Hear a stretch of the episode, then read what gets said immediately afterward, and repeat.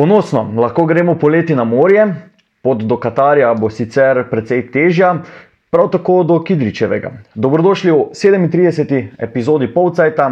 Ne, to ni podcast o turizmu, to je podcast o žogi, igriščih, slačilnicah, napadalcih, branilcih, trenerjih, selektorjih in športnih direktorjih. To je Rezultati 5 proti nič, jaz to uživam, to, to je top, samo to je preveč simpel. Pa mislim, da je to že preko mere u- zdravega okusa. Ko bomo pozabili, kdo smo in kaj smo, je prvi korak proti propadu Maribora. Maribor je za nas bil Liverpool. Maribor je šampion, danes je veličini dan. To je Polcajt, večerov podcast o nogometu, o mariborskem nogometu. Z vami sva Miha Dajčman in Marko Kovačevič. Večerova ekipa z terena. Sijajno se je začelo, bolj klavrno nadaljevalo. Hitro je slovenska nogometna reprezentanca euforijo spremenila v depresijo. Velika zmaga proti Hrvaški je bila edina v marčevskem terminu kvalifikacij za svetovno prvenstvo. Če je bila podoba v Rusiji še spodbudna, je bilo precej drugače na Cipru. Um, tebi se je zdelo, da je bila v Rusiji podoba še spodobna? Ja, dejansko je Slovenija v Sočiju igrala, imela priložnosti, mogoče celo nesrečno izgubila. a, Ne?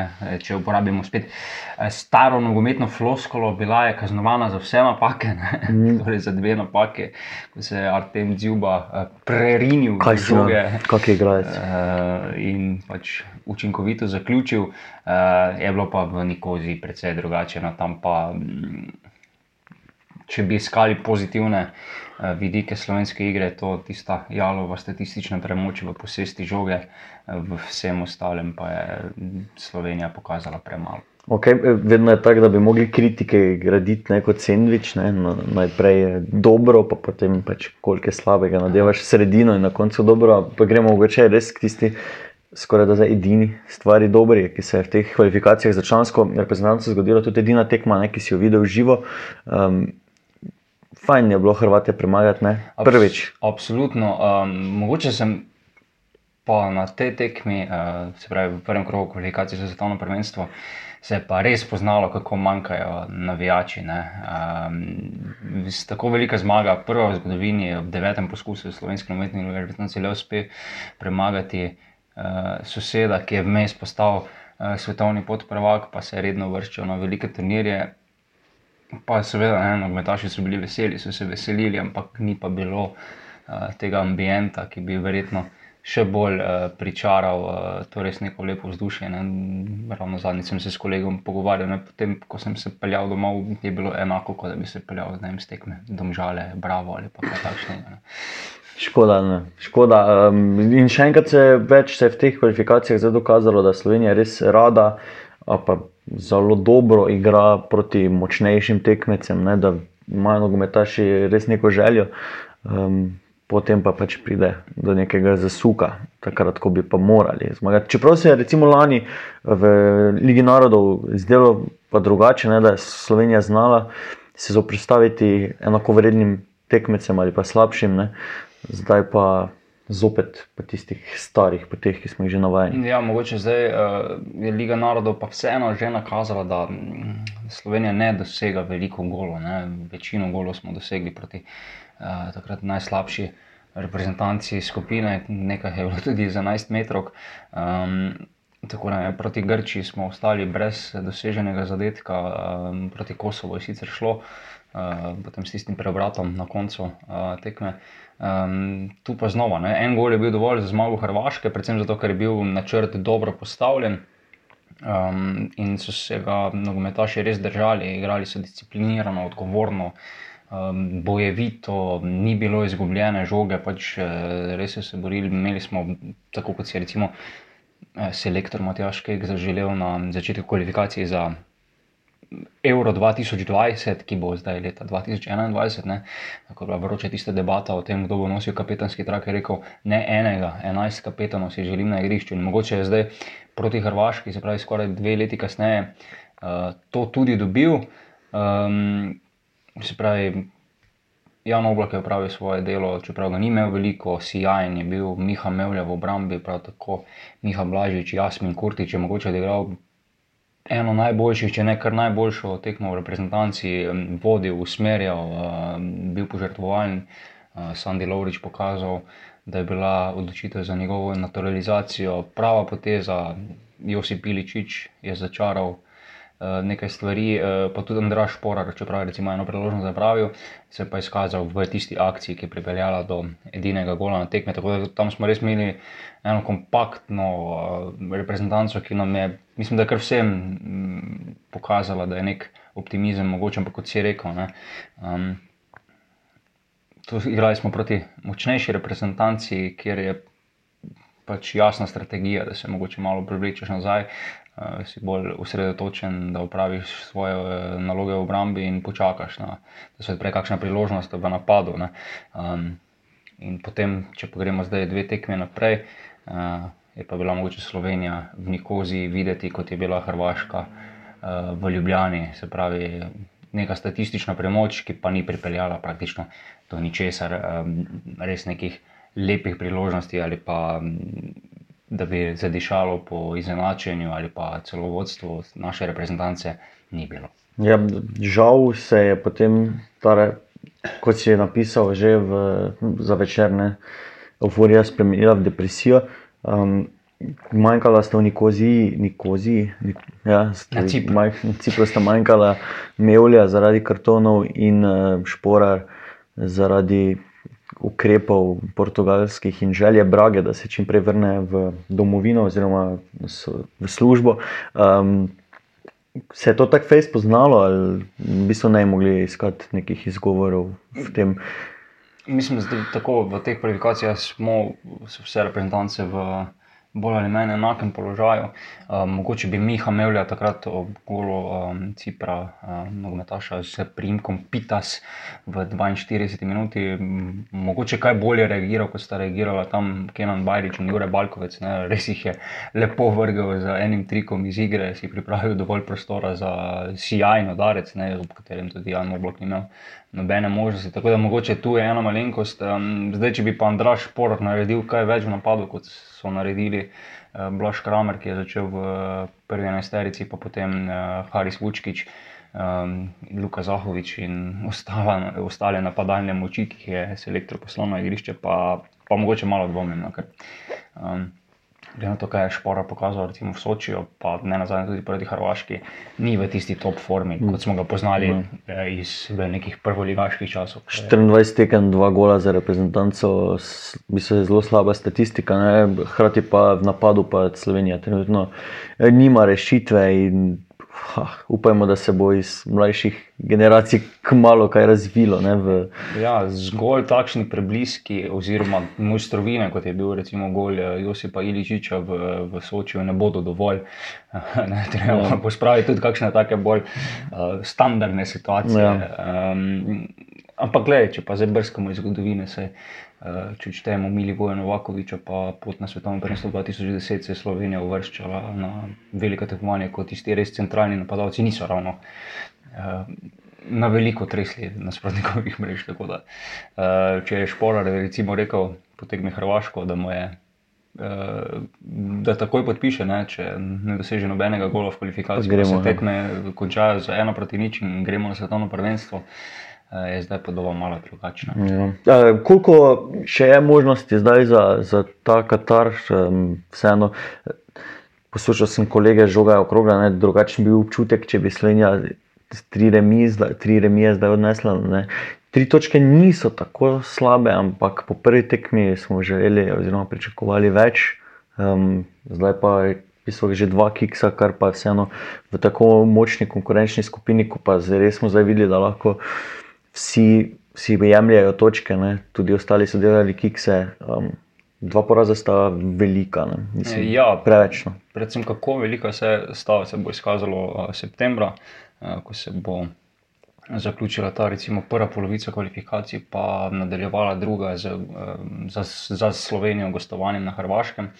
Um, ja, vse pred polovico tekmovanja so vse možnosti odprte, ne, ker se še vedno lahko tako obrne, da zadnji postanejo prvi in prvi postanejo zadnji. Ne, če, smo malo v prazničnem duhu zdaj.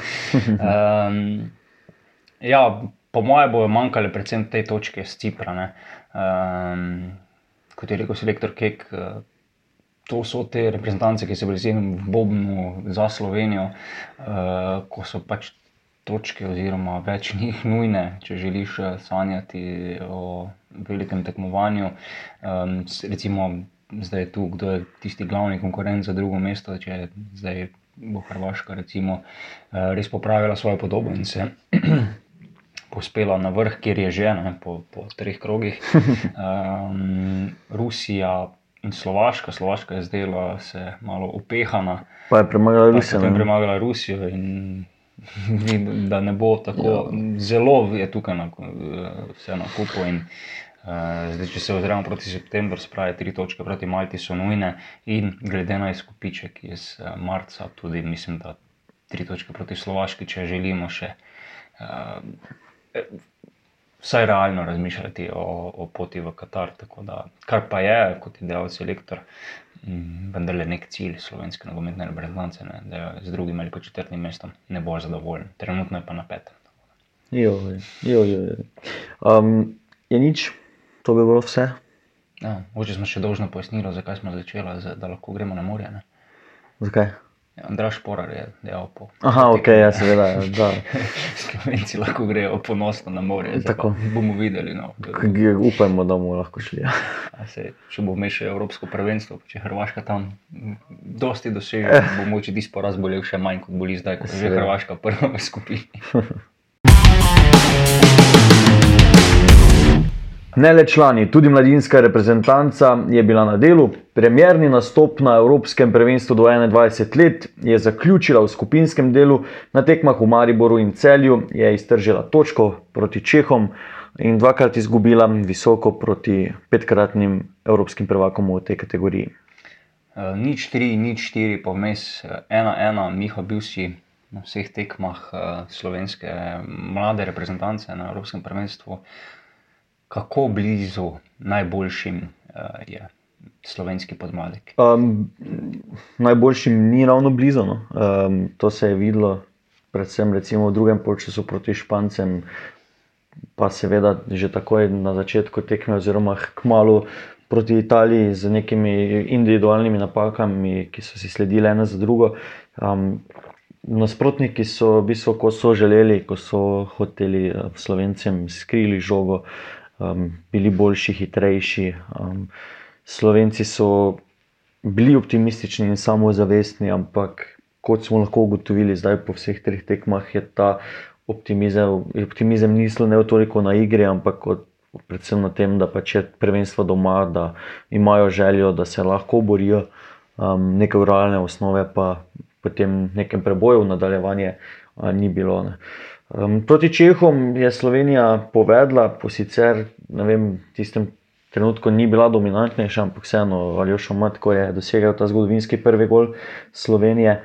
Um, no, potem nadaljevanju pa Čehi so poskušali v bistvu cel drugi polčas, sicer z redkimi izdelanimi akcijami, na koncu pa nekako na silo prišli do, do tega gola po napaki Nika Prelsa ob prostem strelu in um, zmanjkalo je nekaj do te zgodovinske zmage. Ampak, če pogledamo realno tudi s to zmago, bi Slovenci težko proti Italijanom šli na, na, na ničlo. Ne? Italijani so vseeno bili klaso ali pa dve boljši. In, Um, daleč smo od teh reprezentantov najboljših, to smo zdaj lahko videli. Um, tudi Timi Makselšnik in Milenka Čimovic sta to priznala po koncu tekmovanja, eh, da je pač realnost kruta. Um, ti slovenski fanti igrajo v domači ligi, niso navajeni takšnega tempa, takšne agresivnosti, je ugotavljal Ačimovič. Um, fanti iz tujih reprezentanc pa že igrajo na tistem najvišjem nivoju. No, ko se sestavijo in te reprezentance imajo izdelan sistem iz nižjih kategorij, um, so težko ustavljive samo na borbo oziroma samo na željo. Zdaj, čeprav so si stali nasproti vrstniki, nogometaši, ki so približno enako stari. Eh, Pa vendarle se mislim, da tudi poznala ta razlika v izkušenosti. Ne? Če so recimo eh, Španci, Italijani eh, že iz teh nižjih kategorij eh, vajeni turnirskega sistema, turnirskih tekmovanj, da so tudi Čehi bolj ali manj redni udeleženci teh. Večjih oziroma evropskih prvenstev v svojih starostnih kategorijah, se je mogoče tu v Sloveniji tudi poznalo, no, da, da ni najbolj uh, že pripravljeno ali pa da, oziroma da je posebno neizkušena v nekem uh, turnirskem sistemu tekmovanja, kako si ti to videl. Ja, meni se tudi zdi, da so, so imeli naši s tem težave. Vprašal sem igralce, s katerimi smo bili na, na vezi med turnirjem, ko smo delali intervjuje. Um, nekaj novega, drugačnega, večjega se jim je vse to skupaj izdelo, in verjetno je tudi to nekako vplivalo na, na, na nogometaše, ko so, ko so prihajale tekme in tu so res odločilne vse te tekme. Ne, zdaj, če se kakšna napaka tem nogometašem zgodi med prvenstvom, to še morda ni usodno. Ne. Tudi če pogledamo, iz katerih klubov prihajajo nogometaši, to niso. Um, Prvoligaški klubi, ki se borijo za naslov, ne, zdaj iz Olimpije in Maribora, ok, Matko. Matko, Kolmanič, pa Elžir. Ja, ja trije nogometaši ne, in um, težko bi rekli, da so navajeni tega, da pač, ko narediš napako, da je ta že usodna um, za neko pač, celotno ekipo. No, tukaj pa je drugače, ne, tukaj, ko je napaka, tri tekme so moraš dati vem, vsaj štiri točke ali več, ne, da, da prideš naprej. In hitro se je to poznalo, in seveda nasprotniki pa so to vedeli. So prišli, recimo Španci in Italijani. Po drugi del, in brez tega bi vse, kar pač bi bilo manj, bi bilo razočaranje, in hitro se je to videlo. No. Um, ne le, da mogoče nogometašem manjkajo te izkušnje, um, tudi selektorje. Uh, Eh, na Evropsko prvenstvo prišel s popotnico dveh tekem, ki jih je že vodil in zdaj je skupno pri številki pet. pet ja. Moče, kako je ono pravi svoje delo. Zdaj, um, zdaj, če, se... če govorimo o tekmah proti Španiji in Italiji, danes je bila razlika očitna. Proti Čehom se mi je mogoče zdelo, da je želel preveč zapreti, ne, menjaval ofenzivnejše nogometaše z bolj defenzivnimi, tudi potem, ko so Čehi že izenačili, še upravljeno tako še menjavo. Uh, si v bistvu šel braniti točko, ne pa loviti zmago. Kakšen občutek si ti dobil? Zdelo se mi je, da mi je Milenko čim bolj zadovoljen s tem, da lahko na zadnji tekmi vse rešijo. Mm. To je, mislim, hitro so se verjetno zadovoljili s tem, mogoče celo prej hitro, glede na to, da so bili slovenci sogostitelji tega tekmovanja.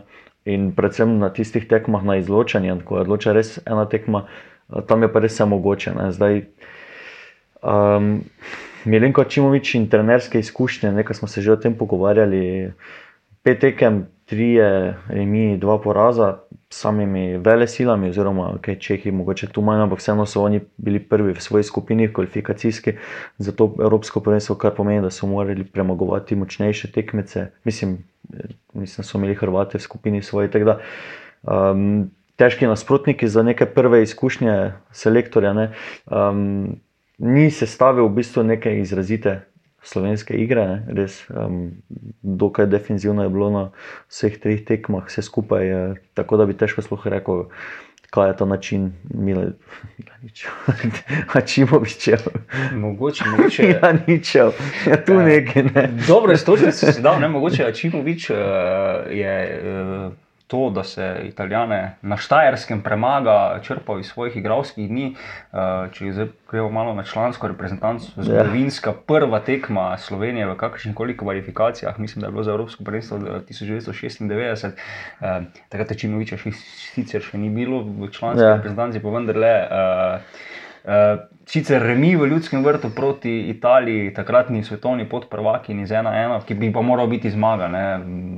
Darko Milanič eh, je dosegel posebno regularen gol, ki, ki pa, pa ni bil priznan. Sodnik eh, Heinemann, eh, pozneje znan pod zdevkom Švajnemann, eh, ni priznal. Eh, potem pa, če smo še na drugem prizorišču tega Evropskega prvenstva v celju, se je pa takrat zgodila tista zmaga eh, z golom Boštjana Cesarja v mhm. kvalifikacijah za eh, svetovno prvenstvo leta 2006, eh, je bil v bistvu edini porast Italije pred je postala svetovna prvakinja, tako da zdaj malo za intermezzo zgodovine, ampak um, to so zdaj neki drugi časi, drugačni igravci. Um, da se lahko še malo samo, rečemo, več, zdaj, ki mi je prišlo na misel. Ne, um, vprašali smo ga, zdaj, če kaj obžaluje um, svoje odločitve, ne, s tem sem ciljal, predvsem na kadrovske. In je rekel, da ne, da ne obžaluje, da so fanti bili držali skupaj kot ekipa. Ne, in to je bil zopet ta nek skop odgovor. Um, kot smo jih bili vajeni, takrat, ko je sestavil to reprezentanco. Ne. Tako da ti si napisal, ne, da, bo, da bodo rezultati dali odgovor na ta vprašanja, ne, zdaj jih imamo, zdaj bo pa na potezi nogometna zveza.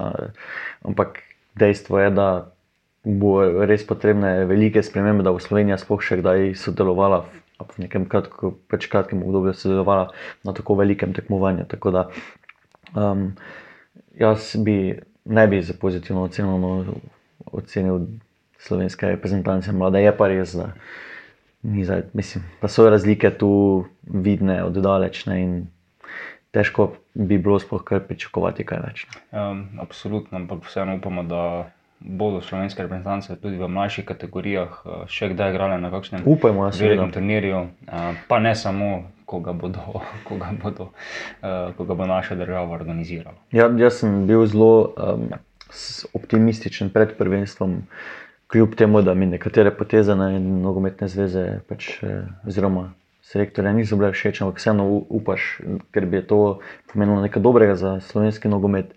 Zdaj pa se so že sami ugotovili, pač pol pa pride realnost. Tako, veliko se je govorilo, da potrebujemo nek sistem gradnje igre, že od tistih najmlajših kategorij, pa potem po Ja. piramidi navzgor vse do članske reprezentance. eh, To bi naj zdaj Miran Pavlin skušal vzpostaviti. Videl sem na eni tekmi celo cesarja, ki je prevzel med tem že eno od mlajših reprezentanc. eh, Vesno si je zapisoval vse, kar je videl, tako da zanimivo. Tako. Upamo, da se kaj spremeni na bolje. ne. Pa še ena stvar se je zgodila na tem Evropskem prvenstvu. Doživeli smo, eh, ne sicer dokončno, ampak vsaj delno prenovljeni ljudski vrt. Eh, Stoli so že nameščeni, ni pa še, kot so VIP mi stolov rekli, ja. kot so mi rekli radijski kolegi, ni še, pa, ni še pa tiste ograje, ki bi varovala poročevalce eh, pred vetrom. Ja, Bilo sem slišal. eh, Luka Petrič je, ti je to povedal. Eh, Luka, Luko Petriča sem slišal v radijskem prenosu, ravno sem se peljal v Ljubljano na to Da ga zebe? tekmo in ja, je bilo kar dosti govora o vetru. Eh, Sicer potem eh, tvoj rojak eh, Jože. Pepevnik eh, prenesel obljubo, eh, da bodo te ograje oziroma eh, stene ali kako, kakorkoli se že reče, eh, v kratkem postavljene, tako da, da v kratkem, naj, ko bo dejansko tribuna obnovljena z tem vetrom. Ja, jaz več nisem doživel te tribune, ne smo bili vseeno na tisti vzhodni, kjer s- imate, imamo mesto novinarji tudi med prvo ligo. Um, ok, pač simpatično zgleda, malo sterilno s temi belimi stoli, naj bi vmes prišli še neki vijolični tam na Vipo. da, Ja, eh, za nadaljevanje prvenstva, takrat v četrtfinalu, bomo v Ljudskem vrtu spremljali obračun med Španijo in Hrvaško. Hrvaška je tudi napredovala v sicer zelo močni D skupi- D skupini, um, drugi so bili za Portugalci, potem pa so Švicari in Angliji imeli prav tako tri točke in potem ne vem po kakšnem sistemu, zdaj, ki mi ni bilo jasno, ko smo to zvečer pripravljali za tisk, ampak Hrvati so naprej igrali bojo proti Špancem, tako da se nam v Mariboru obeta kar en zanimiv dvoboj takrat in um, ko, koliko je bilo do zdaj slišati, bomo takrat novinari že na tistem obnovljenem delu stare tribune. Se je od prejšnje epizode Polcajta še zgodilo kaj pomembnega? O, marsikaj, kako sem dobro zaigral, ha? kot radijska igra. Okay, v Ljudskem vrtu se je pokadilo um, med reprezentančnim premorom, kot smo tudi razmišljali, če kdaj ne, je to pravi trenutek, ampak vseeno malo kasneje, kot smo mi dva uh, napovedovali, oziroma vsaj pričakovali dejansko. Um, Ta premor se je zdaj podaljšal, reprezentančni za prvoligaške klube, nažalost. Nogometaši Maribora pa so zdaj že dva tedna trenirali pod vodstvom novega trenerja. Se, če to radijski gre, bi se lahko nekaj zaškripati. Kakšna vrata se. Pa da bi se slišali, dober dan, sem Simon Rožman. tako, tako. Ja, Simon Rožman je novi trener vijoličastih. eh, Kmalo po uh, 36. podcasta. eh, polcajtu ja. uh, so ga ustoličili v Ljudskem vrtu. Um, ja, kaj je prinesel ekipi, pa zdaj težko rečemo. Maribor ni igral prijateljskih tekem med pripravami na Čatežu. Uh, Tik pred njegovim prihodom ne, so odigrali prijateljsko z odigrali Bravom, z takrat še Bravom. pod vodstvom Saše Gajsera in izgubili. Ne. Bili z 2 proti 1.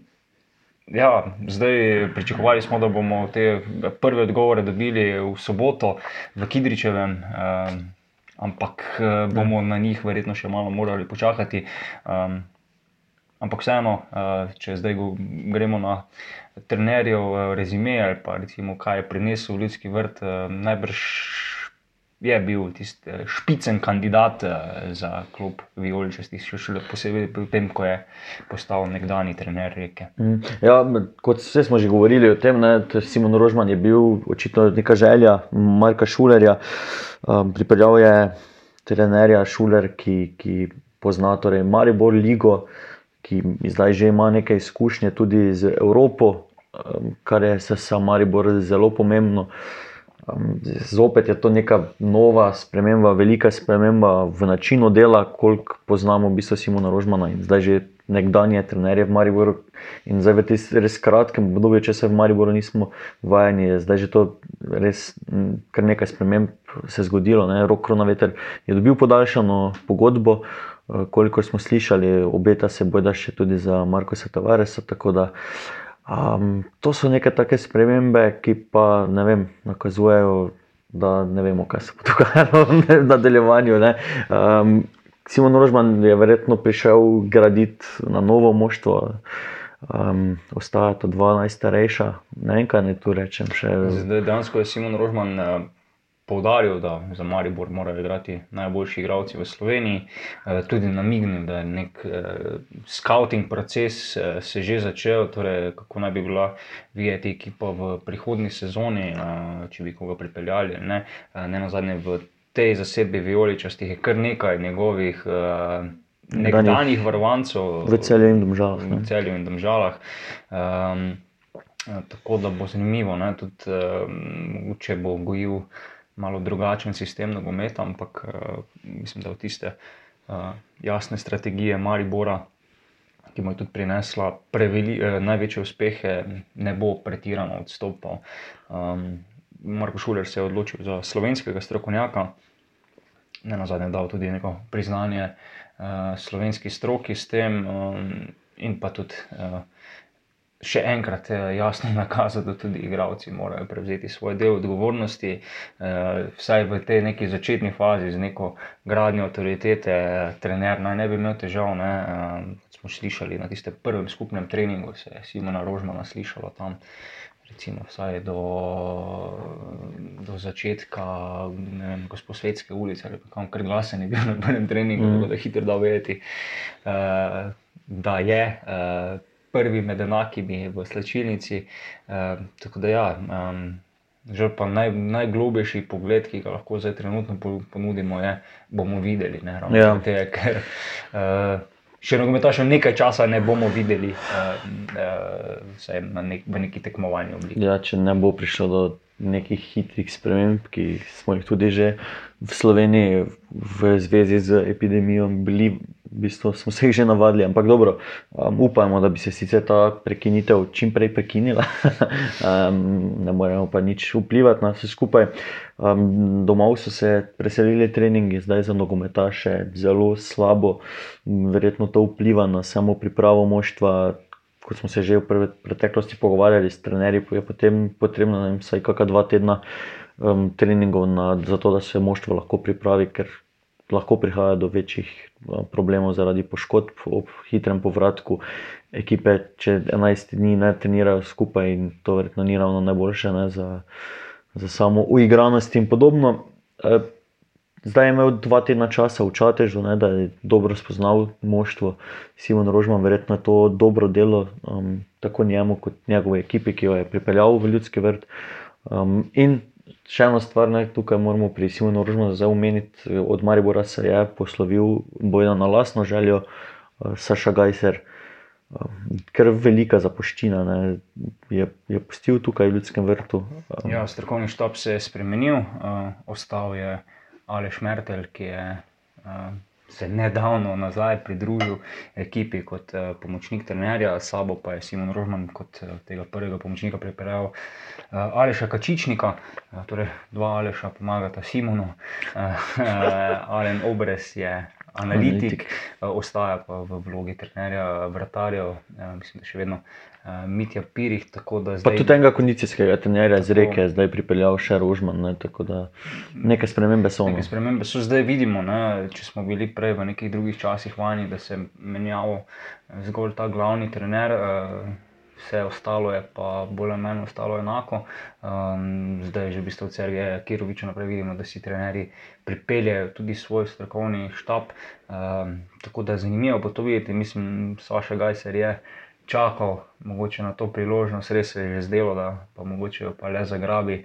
Uh, po skoraj 11 letih, odkar je v ljudskem vrtu bil v vlogi uh, pomočnikov, uh, pomočnika trenerja, ki je ne na zadnje razdelal tudi strategijo, dobro analiziral nasprotnike za vse te evropske podvige, za tistega uh, koraka naprej, potem ni dočakal in mogoče tudi ne na zadnje logično in Simonu Rožmanu lažje. Če Saša Gajser uh, nadaljuje v neki drugi sredini, um, ga bojo pa, po mojem, tudi nogometaši kar malo pogrešali. Um, po tisti prijateljski tekmi z Bravom sem govoril z Špirom Peričičem, ki je bil poln pohval na račun Saša Gajserja, kako dobro jih pozna, kako uh, dobro jih zna pripraviti in kaj zahteva. Tako da um, mogoče je neka izguba, no, definitivno to za. Uh, Za najuspešnejši klub v državi, ki je v te, tej poziciji tudi uh, po zaslugi nekdanjega reprezentanta in pa tudi nogometaša Maribor. Je pa to še en korak tej, v tem rezanju niti ne, z preteklostjo v nogometnem klubu Maribor, oziroma da se postavljajo nove, torej z Mertljem in Šulerjem, torej DNK, ki ga zdaj pa res že prevečkrat uh, slišimo ne, od povsod, ker so po Šulerju so pa res začeli ti to vsi uporabljati. Um, pač torej Mariborski ostaja. Um, Prihaja nekdo, ki pozna klub, je prišel no, in odšli pa so um, tisti, ki so pa prejšnjo zgodbo nekako postavili na noge, ne uspešno. Um, tako da bo zanimivo zdaj spremljati zopet Maribor. Devet tekem bo imel Simon Rožman, če bo vse skupaj zalaufal, zato da v bistvu dohiti Olimpijo in osvoji naslov. In to bo v bistvu prvi klub za Simona Rožmana, ki se pa odkrito ne bori za naslov državnega prvaka. Na reki tega pritiska ni imel, pa potem presenetil s pokalom in Liga Evropa, Domžale in celje, nikoli nista zdaj to besedno napovedovala odhod polovorike, pa jih je tudi že osvajal, ne dvakrat pokal in ja. Ligi Evropa se je tudi s Domžalami približal. Tako da neke izkušnje so, je pa to vseeno drugačen, zdaj, um, drugačen cilj. Ja, doslej je Simon Rožman najbolje deloval v sredinah, ki so stavile na predvsem mlajše nogometaše in potem upala na ne, neko presenečenje. Ne? V bistvu njegova članska trenerska karijera se je začela kar z enim velikim podvigom, z drugim mestom v državnem prvenstvu z celjem. Takrat nihče ni pričakoval, ne? čeprav so tam igrali potem takšni asi, kot je Mislav Oršič, ki je z Hetrikom v Dresu Dinama potopil Tottenham v Evropski mm. ligi, pa seveda Benjamin Verbič. Blaž, Gregor Bajde, Blaž Vrhovec in tako naprej. Um, ampak to so bili dejansko mlajši nogometaši, podobno je bilo v Domžalah, ne na zadnje. Ampak je znal komponirati starejše tudi, ne? Um, Ivričič, ne, recimo, je v Domžalah potem pod njem pač bil celo tako, med tako. boljšimi, v posamezniki prvi liga ali celo najboljši. Tako Mogoče se rok korona veter ali pa celo Marko Stavares znajde. Tako da, no, zanimivo bo videti, pač tudi Simon Rožman se zaveda tega, da, da je zdaj v drugačni vlogi, mm. da je kot je nekako dal vedeti to zdaj. Najvišja stopnička v njegovi karieri, predvsem zato, ker gre za domač klub, za slovenski klub, tudi priznal je, da je imel še nekaj drugih ponudb, ki so bile finančno uh, razkošnejše kot uh, ta iz ljudskega vrta, ampak se vendarle zaradi vsega tega, kar Maribor uh, njemu predstavlja in predstavlja Sloveniji, odločil za, za vijoličaste uh, in spet uh, 36 ali pa še večič danes bomo videli, kaj se bo izcimilo. Ja, napovedujemo, v bistvu ne vemo, kdaj bomo naslednji kolo, sploh, mislim, naslednji krok. Sploh videli. Uh, ja, ker bizarna situacija. Um, Jaz če... sem se včeraj pogovarjal z Antijem Šimunčo in med temi sogovorniki o ustavitvi športa je bil celo najbolj skop, ker pač res je v tonu začutilo to, da trenerjem te odločitve seveda ne ustrezajo. Ne. Um, vprašal me je celo, kdo je že vse dal izjavo, ne, ker eh, verjetno bi si po, pač želel povedati še kaj hujšega, kot samo to, da očitno odločevalci eh, se ne vem, odločajo za res kontradiktorne um, odločitve in um, trenerjem zdaj verjetno ni lahko. No. Ja, ne gre zgolj za nogometaše, gre praktično za vse Seveda, ja. športnike. Um, kot je recimo opozoril uh, kolega iz RTV-ja uh, Simon Šparovec, uh, zdaj zapiramo populacijo, ki je z, najbrž, uh, če ne kar zagotovo, najbolj testirana, odkar se je pandemija začela. Uh, nogometaši, košarkaši, uh, rokometaši in tako dalje se testirajo praktično vsak teden pred uh, vsako pomembnejšo tekmo. Uh, niso se povsem izognili okužbam. Okužbama, mislim, da odstotkovno so pa vseeno. Uh, Najbolj nadzorovani, ne. In tudi številke so boljše, kot so recimo pri, pri neki splošni populaciji.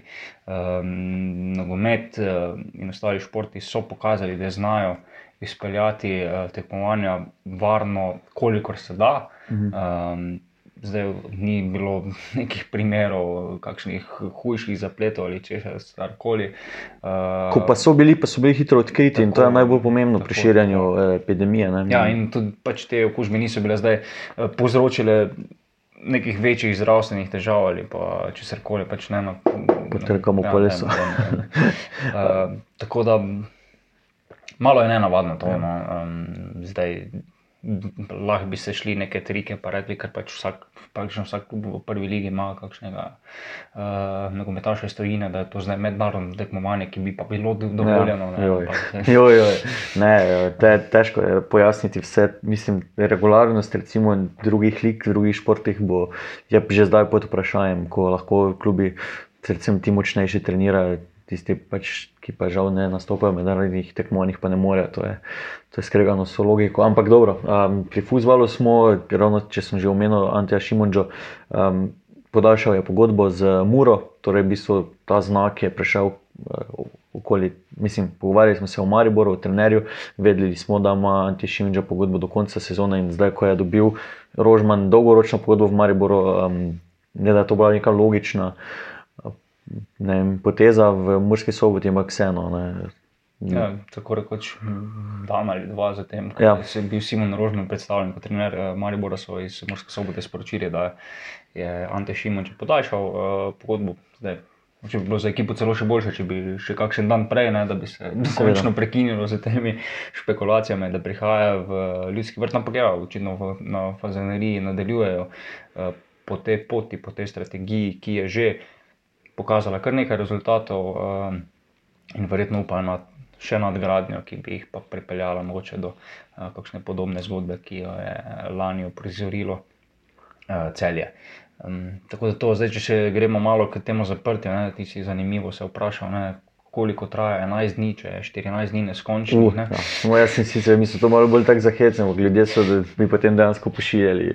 Celo neko formulo se Ne, ful, ful sem jih dobil, ampak tako, žal sem pač matematično, potem ko sem zaključil z eh, šolanjem v srednji šoli, nisem se ravno fulosti ukvarjal in, um, in mi je bilo kar zahtevno vse to videti. Tako da sem reč v prekinosti s tem Ja, statusom. eh, mislim, mogoče tudi res eh, se, so v zelo težkem položaju. Vem, eh, drugi ligaši, ne, ravno so začeli s prvenstvom, odigrali en teden, eh, koliko, en teden, dva so igrali, uh -huh. eh, in zdaj znova eh, prekinitev, popolna zaustavitev. Eh, Prav tako nogometaši, mislim, da v prvi mladinski Mladinski ligi so še v sredo, torej da, eh, Še 31. tisti so, Zadnji dan so še ja, izkoristili ja. in zdaj znova a, na dolgo čakanje. Tako da mogoče ni to najboljša popotnica za a, bodoče rodove a, slovenskega nogometa, o kateri smo se pa ravno prej pogovarjali. Mislim, da, se ta, da je že zdaj jasno, da se bo ta izpad a, poznal. A, mislim, škoda. No, pač, a, in lažje bi bilo, če bi uh, v tem ukrepu prepoznali logiko. Uh, če si sposodim besede Krunoslava Jurčiča iz uh, prestopnega dne leta 2016, ko je pač postal nekdani trener Maribora, je ravno s temi besedami opisal zaključne dejanje svoje poti v ljudskem vrtu. Skavča ali z terena, kako in s čim se oglasiva v 38. epizodi Pavcajta, še ne veva, veva pa, da bo naslednjih 9 dni oziroma 3 dni manj kot neskončno ključnih. Uh, preživite jih mirno in varno, uh, imejte lepe praznike.